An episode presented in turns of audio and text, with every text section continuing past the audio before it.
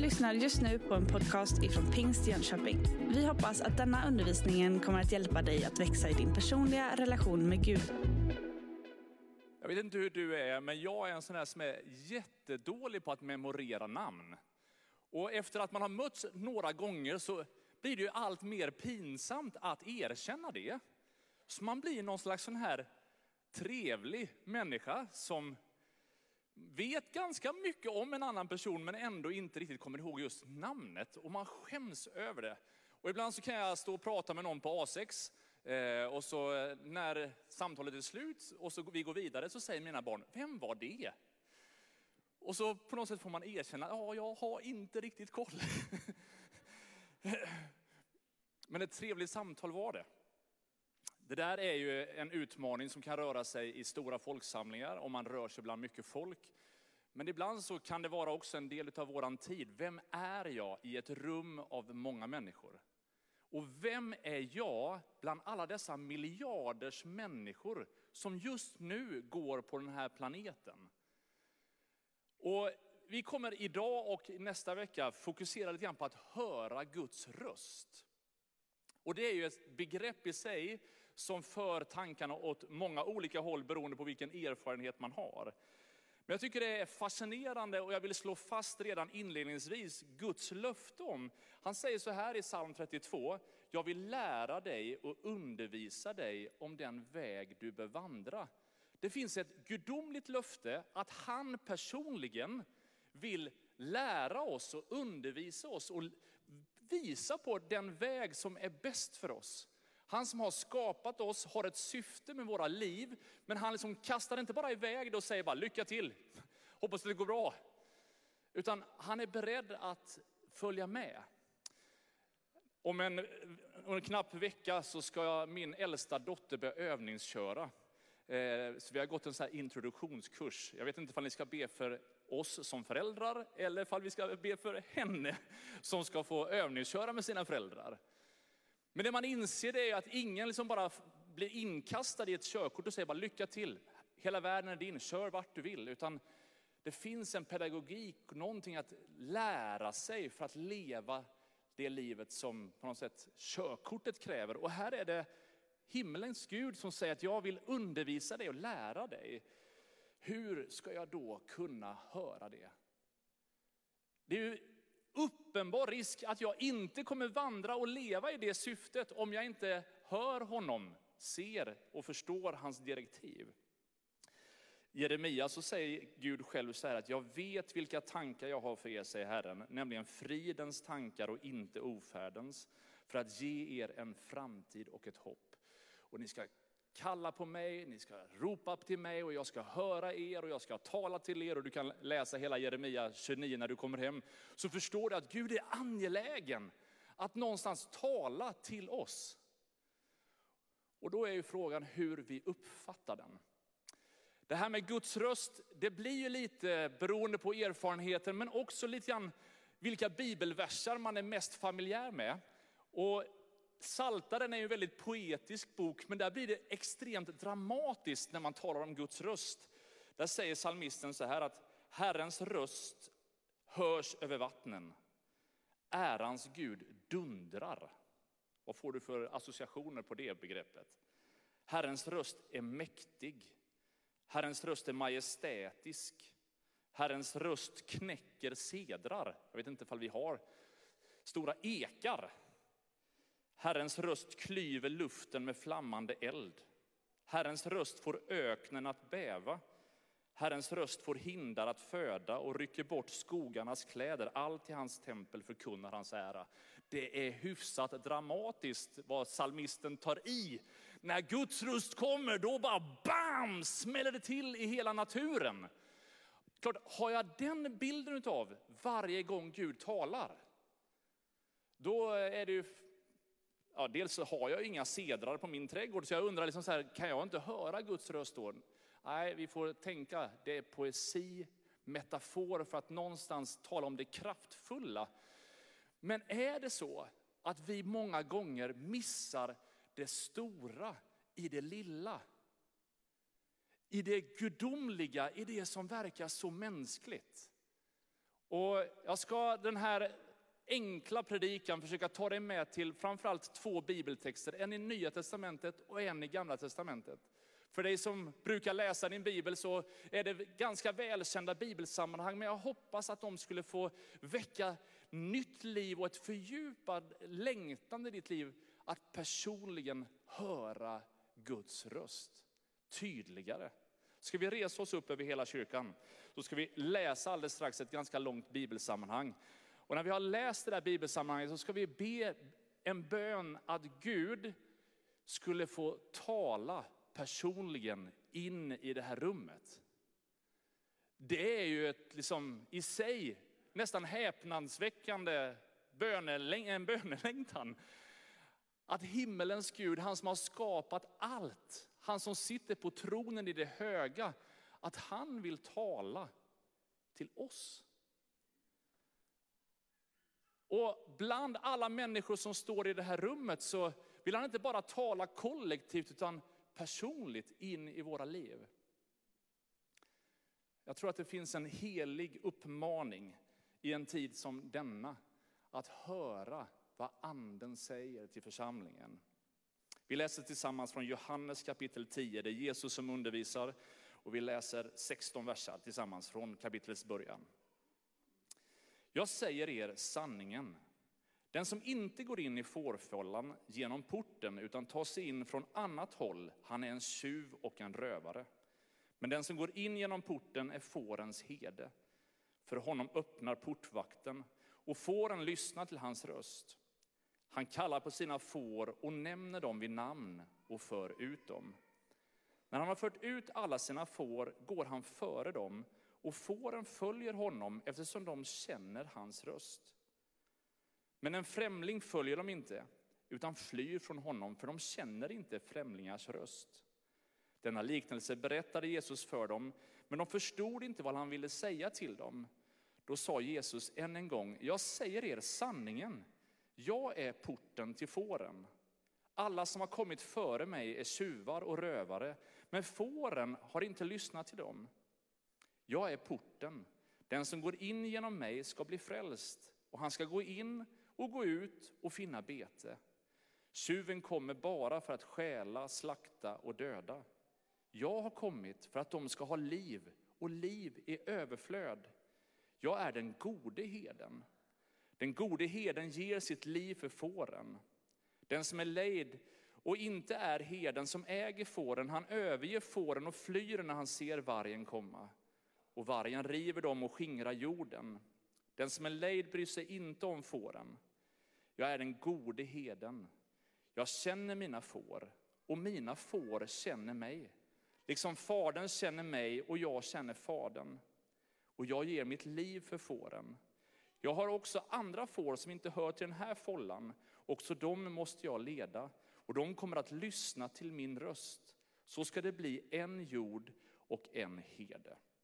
Herre, jag tackar dig för förmånen att den här söndagen få än en gång påminna oss om att du är himmelens Gud, men också en närvarande Gud, uppmärksam i våra, på våra liv och på våran situation. Herre, du vet allt det som rör sig över världen, alla konsekvenser av politisk instabilitet. Du ser alla de som har drabbats av nöd nere i Turkiet och Syrien. Herre, vi bara ber dig, Herre du som sveper över hela jorden. Herre, rör vid hela vår värld. Men Herre, med allt det så vill vi också bara be dig att du i det här rummet skulle tala in i våra liv. Du vet precis vad som liksom vi knöt i våra händer av böner i början av den här gudstjänsten. Herre, tack för att du vill tala rakt in i våra liv. I Jesu namn. Amen. Amen. Varsågod och slå dig ner. Jag älskar den här bibeltexten för den, så, den blir så otroligt tydlig så att till och med jag förstår vad Jesus på något sätt försöker förklara.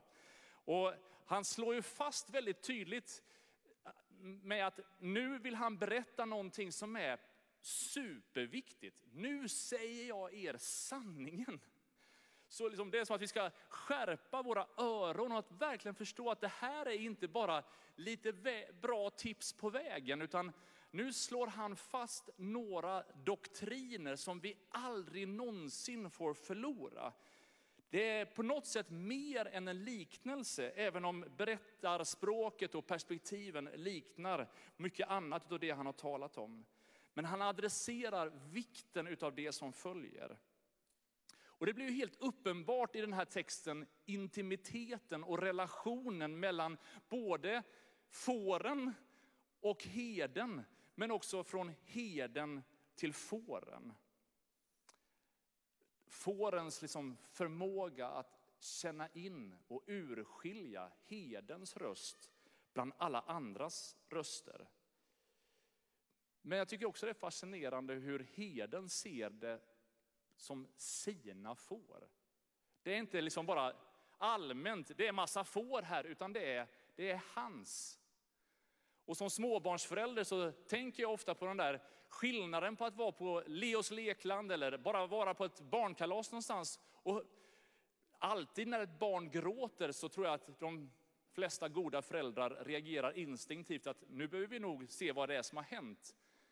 Men det stegrar lite grann i vad som händer när man känner igen vems röst det är. Vem är det som ropar? Vem är det som gråter? Vem är det som kallar på min uppmärksamhet? Bland alla som ropar pappa på den här innebandyträningen så hör jag min sons röst. Tänk att Jesus här ger den metaforen att det är inte bara fåren som känner herdens röst, utan han hör din röst. Så när vi bad här alldeles nyss tillsammans, så din bön hörde han. Din röst urskilde han. Jag tycker det är fascinerande. Och så står det att han kallar dem vid namn. Det här är, det är ju nästan för stort för att man känner att man, ja, det är för stort för att ta in. Jag vet inte hur många namn du klarade av här alldeles nyss. Vi ska inte ha ett läxförhör. Marcus Örbeck som är ordförande, kan du alla här i församlingen? Tänk att det är ordföranden, måste vara ordföranden som ska kunna flest namn. Jag tror att alla inser att, liksom, att greppa allas namn är svårt. Det är därför vi behöver bygga församling nära varann och smågrupper och allt det där. Och ni har hört olika predikningar veckorna som ligger bakom när vi har talat ut några olika sådana perspektiv på gemenskapen. Men här så lyfts perspektiven av att Gud faktiskt, som den enda i universum, har koll på varenda en av oss. Och när man studerar den här texten lite mer och efterforskar lite grann bara nuet, så förstår man att så här gör en god herde i Mellanöstern idag. De som inte har sådär stora farmar utan som är liksom, har sina egna får, kallar på sina får på exakt samma sätt, vid namn. Och den där intimiteten tror jag är viktig när man är i ett rum med flera, när vi firar gudstjänst när vi är flera. Att Gud inte bara ser kollektivt, utan han, han kan ditt namn. Och det står för mer än att han bara vet vad du heter. En god herde har lärt känna sina får så väl så de vet vad är det som gör dem irriterade, Vilk, vad är det som gör dem lite extra glada, hur vill de bli kliade bakom öronen, hur tydliga instruktioner behöver man ge. Han vet allt om sina får. Och på samma sätt så vet Gud vad du och jag behöver. Han vet vad du och jag längtar efter och vad som krävs för att någonstans vi ska nå det som är vårt mål och syftet med vårt liv. Orsaken till att det här händer, det här enorma samspelet är att en herde, nästan all den vakna tiden på dygnet, är den tillsammans med sina får. Och på grund av den närheten så skapas det där bandet som gör att man uppfattar Guds röst hela tiden.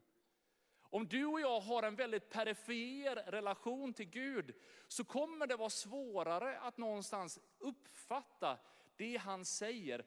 För han vill vara nära varje dag. Jag är med er alla dagar till tidens slut, är hans löfte. Så att det är mer våran oförmåga att på något sätt uppfatta hans närvaro än att han skulle vara distanserad från oss. Och fåren, de lär sig ha tillit till den där rösten. De har förstått längs med livets erfarenheter att den där herden, han ser till så att vi kommer säkert hem på kvällen. Han ser till så att vi får vatten, han ser till att vi får mat. Så det spelar ingen roll hur många andra röster som finns runt omkring. Så är det liksom den rösten man följer. Frågan är hur det är med oss. Vilken är den starkaste rösten bland alla röster i våra liv? Det intressanta också när man läser det här lite mer, det är ju, han går före dem. Och de följer hans röst. Det behövs ingen vallhund som springer runt och skäller på de där som på något sätt håller på och springer och upptäcker en egen liten slinga. Som man på något sätt har någon slags föreställningsbild utav. Eller att han går efter dem och föser dem framåt och bara trycker fram dem. Utan det finns ett, han går före och så följer de bara hans röst. Och vad innebär det i våran efterföljelse? Hur vi följer Gud idag. Men intimiteten är tydlig, det personliga mötet är där. Och jag fascineras över det personligen så många gånger i mitt eget liv. Där jag förundras över att himlen verkar vara intresserad av mitt liv. När Jesus gör den här beskrivningen så är det ju liksom fortsättningen på ett tal som är kapitlerna innan. I kapitlerna innan i Johannes evangeliet så är det en stor debatt kring fall han är Messias. Är han Guds son? Med vilken auktoritet kommer han? Och är han liksom människosonen som nu ska befria världen och döma världen? Och så ligger det liksom hela tiden någon slags osäker förväntan. Vilken slags härskare är han? Och så beskriver han sig själv som den gode heden. Och han slår an på en annan bibeltext från Hesekiel 34. Jag ska bara citera några delar från den. Där vi förstår Guds intention av hur han vill tala. Han säger så här i Hesekiel 34. Jag ska själv söka upp mina får och ta mig an dem. Och lite längre fram så står det, jag ska själv föra mina får i bet och låta dem vila sig, säger Herren Gud.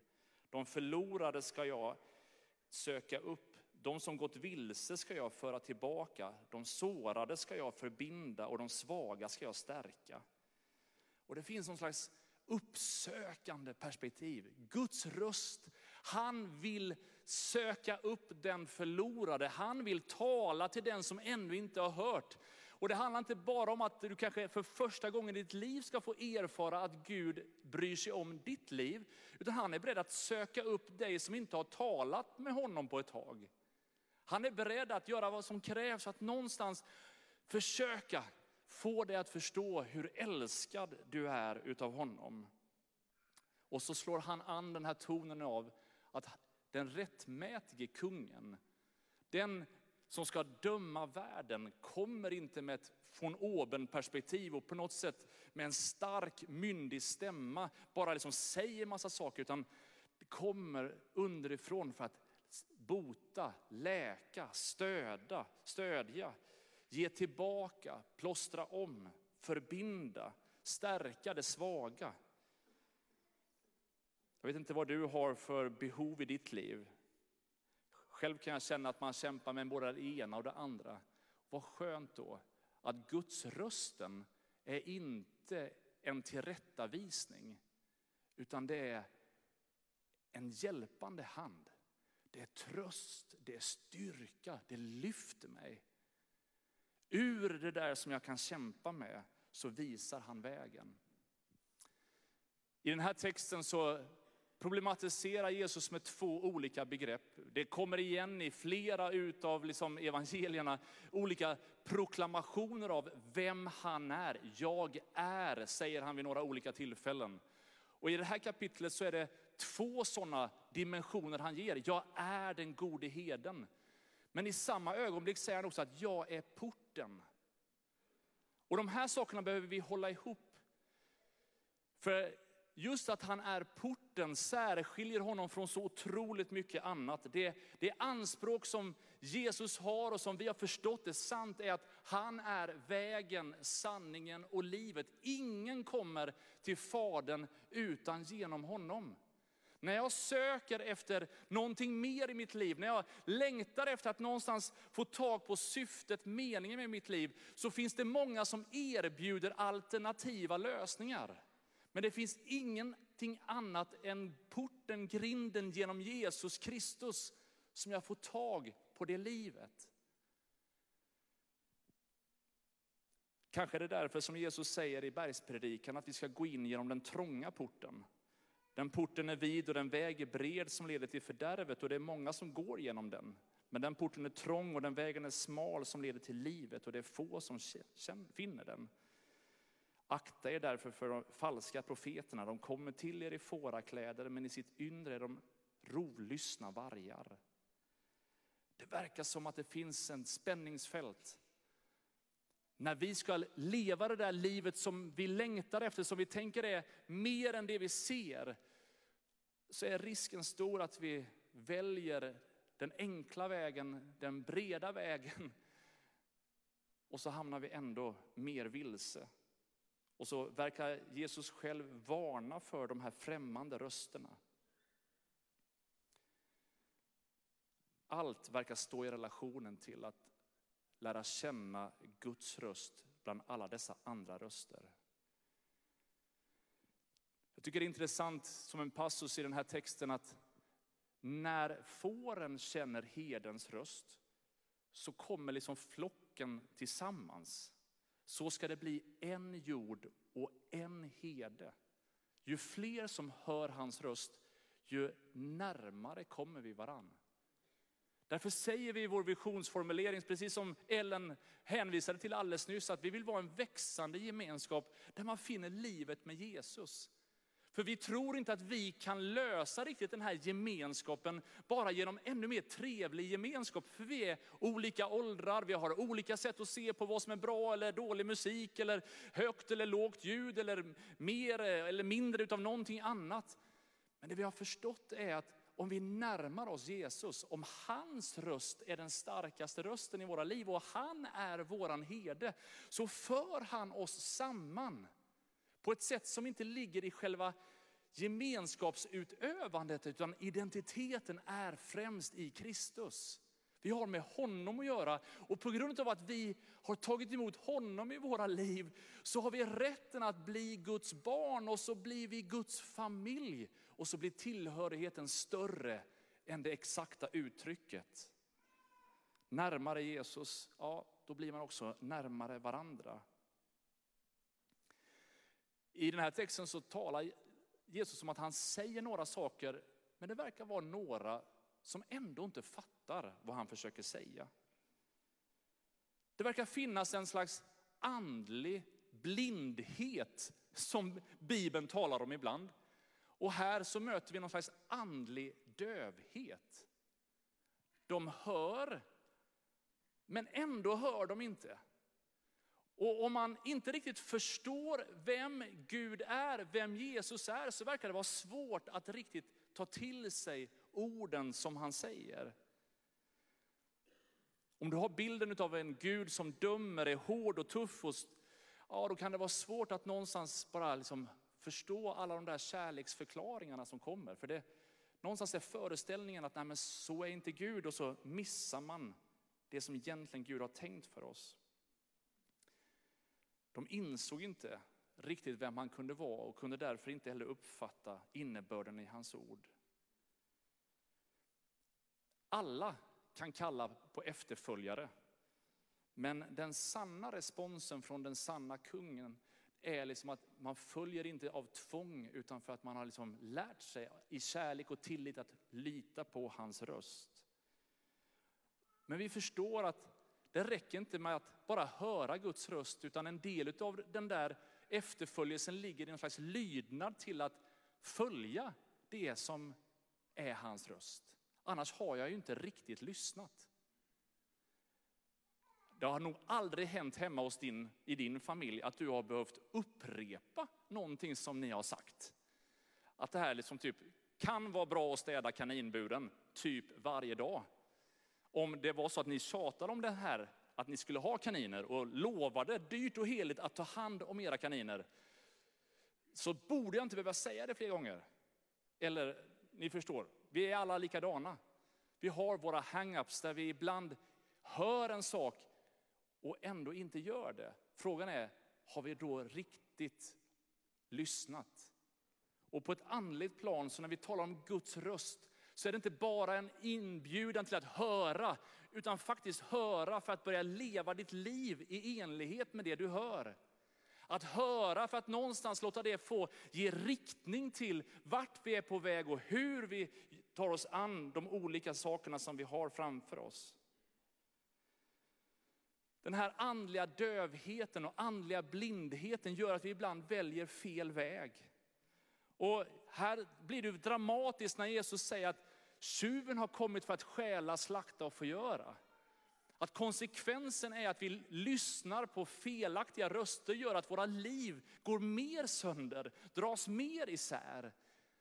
Medan han har kommit för att ge liv i överflöd. Om vi lär oss att höra hans röst kan vi få leva ett liv som trumfar allt annat. Det finns ingen högre tillfredsställelse i livet än att leva efter Guds vilja, i Guds vilja, nära hans hjärta. Det innebär inte att allting kommer vara enkelt, att varje dag kommer vara som liksom en, bara en dans på rosor. Ett märkligt uttryck med tanke på att rosenbuskar är allt annat än behagligt.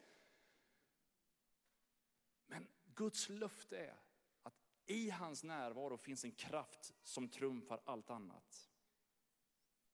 Men det finns en främmande röst, tjuven har kommit. Det finns någon som försöker stjäla det som är Guds tanke med våra liv. Och i Bibelns början ser vi detta som självaste ursynden. När Gud skapar människan till sin avbild och det är perfekt i paradiset, så utmanas man av djävulen som ifrågasätter, har Gud verkligen sagt? Har ni verkligen uppfattat Gud rätt? Du som vet allt det bedrövliga om dig själv på något sätt, skulle Gud verkligen älska en sån som dig? Tror du verkligen att det är så det funkar? Vi läser i första Samuelsboken om David som besegrar Goliat. Israels folk var helt lamslaga för att varje morgon, varje kväll så stod Goliat och skrek. Smädade Israels armé och de blev så nervösa för Goliats röst. Om du varje morgon matar dig med sociala medier eller andra saker som ibland har en tendens att få oss att känna dålig självförtroende, dålig självkänsla. Om det är det du matar dig med varje morgon, varje kväll, ja, då är det inte så konstigt att det blir lite passivt i ditt liv. Men om du skulle börja varje morgon och varje kväll att proklamera något slags Guds luft över ditt liv så kanske du skulle få se en skillnad. Vilken röst som får definiera dig. Om du följer med till första Samuelsboken så ska vi helt kort ta några personliga erfarenheter från Samuels liv. Första Samuelsboken kapitel 3 så är det en ung liten kille som växer upp i templet tillsammans hos prästen Eli. Där står det så här att på den tiden var Herrens ord sällsynt, profetsyner var inte vanliga. Då hände en gång detta medan Eli låg på sin plats. Hans ögon hade börjat bli skumma så att han inte kunde se. Guds lampa hade ännu inte slocknat. Och Samuel låg i Herrens tempel där Guds ark stod. Då kallade Herren på Samuel. Här är jag, svarade Samuel. Sedan skyndade han bort till Eli och sa, här är jag, du ropade på mig. Men han svarade, jag har inte ropat, gå och lägg dig igen. Och han gick och la sig och Herren kallade än en gång på Samuel och Samuel steg upp och gick till Eli och sa, här är jag, du ropade på mig. Men han svarade, jag har inte ropat min son, gå och lägg dig igen. Samuel kände inte Herren än och Herrens ord hade ännu inte blivit uppenbarat för honom. Herren kallade på Samuel för tredje gången. Han steg upp och gick till Eli och sa, här är jag, du ropade på mig. Då förstod Eli att det var Herren som kallade på den unge pojken. Därför sa han till Samuel, gå och lägg dig. Och som han ropar på dig så säg, tala Herre, din tjänare hör. Och Samuel gick och la sig på sin plats. Då kom Herren och ställde sig där och ropade som förut, Samuel, Samuel. Och Samuel svarade, tala, din tjänare hör. Då sa Herren till Samuel, Se, jag kommer att göra något i Israel som ska ringa i både öronen på var och en som hör det. Den dagen ska jag förverkliga över Eli allt som jag har talat mot hans hus, från det första till det sista. Jag har förklarat för honom att jag ska döma hans hus till evig tid för den synd som han kände till, nämligen att hans söner drog förbannelse över sig utan att han tillrättavisade dem. Därför har jag också betygat med ed för Elis hus att deras skuld aldrig någonsin ska försonas genom slaktoffer eller andra offergåvor. Samuel låg kvar till morgonen då han öppnade dörrarna till Herrens hus. Han var rädd för att berätta synen för Eli. Men Eli ropade på Samuel, Samuel min son. Han svarade, här är jag. Då sa Eli, vad var det som han sa till dig? Dölj det inte för mig. Må Gud straffa dig både nu och i framtiden om du döljer för mig ett enda ord av det han sa till dig. Då berättade Samuel allt för honom och dolde ingenting. Eli sa, han är Herren, han får göra det som är gott i hans ögon. Dramatisk text. En ung liten kille som bor med översteprästen i templet. Som väcks på natten av att Gud säger hans namn. Talat, men han vet inte om att det är Gud. Hela den här början säger att på den tiden så var Herrens ord sällsynt och profetsyner inte vanliga. Och när jag har läst den här texten har jag funderat, hur vanligt är det i vår tid? Hur vanligt är det med profetiska tilltal med de här himmelska dimensionerna? Eller är det här en kopia av hur vi upplever våran tid? Och jag bara känner, Gud hjälp oss att navigera i ett liknande landskap. I den här texten så förstår vi att Gud vill tala, men människor hade slutat att lyssna. Det var en tid av sociala orättvisor, andlig korruption, det var politisk fara, det var en andlig vilsenhet. Det finns så många liknande exempel med vår tid. Men det intressanta är att omständigheterna kunde inte begränsa Guds tilltal. Det finns ingenting som kan vara så oandligt och så hemskt och så långt borta att Gud skulle överge det och sluta tala. Utan även om vi skulle säga, ja det är så här ovanligt åt oss också, innebär det inte att Gud har slutat vara intresserad av att tala till oss. Han har ett ord till dig och mig. Han vill tala till oss. Och så står det att Elis ögon hade börjat bli skumma så att han inte kunde se. Guds lampa hade inte slocknat. Oavsett om det står för just den där liksom lampan som höll liksom, templet igång från morgonen till solnedgången. Eller fall det handlade om hans liksom, tid på jorden så förstår vi metaforen av att verkligen ha med Gud att göra hela livet. Det fanns någonting som inte helt ännu hade slocknat i Elis liv. Och därför kunde han, den lite halvt förtappade översteprästen som på något sätt hade förlorat en del av smörjelsen, med, mitt i sin brist, fick han ändå vara med och vägleda en ung generation in i det Gud hade bestämt. Och jag har tänkt för min egen del och jag har bara känt bara Gud, tack för din nåd, tack för ditt förbarmande och hjälp mig hela mitt liv få vara en hjälp för en ny generation att få tag på vem Gud är. Samuel han låg vid arken i templet. Du vet, när arken, det är en symbol för Guds närvaro. Den manifesterade, liksom, här är Gud, var kopplat kring vart arken var placerad i templet och hur den där tjänsten gick till. I den här texten så sover Samuel bokstavligen där. Men ändå så förstår vi det vi läste, att han har ännu inte riktigt lärt känna Guds röst. Det räcker inte med att våra barn och tonåringar har åkt på läger och så löser det sig. Vad, vad härligt att de är på läger. Nu får de verkligen tid att bara vara där vid arken. Åh, vad lätt det skulle vara om det gick till så.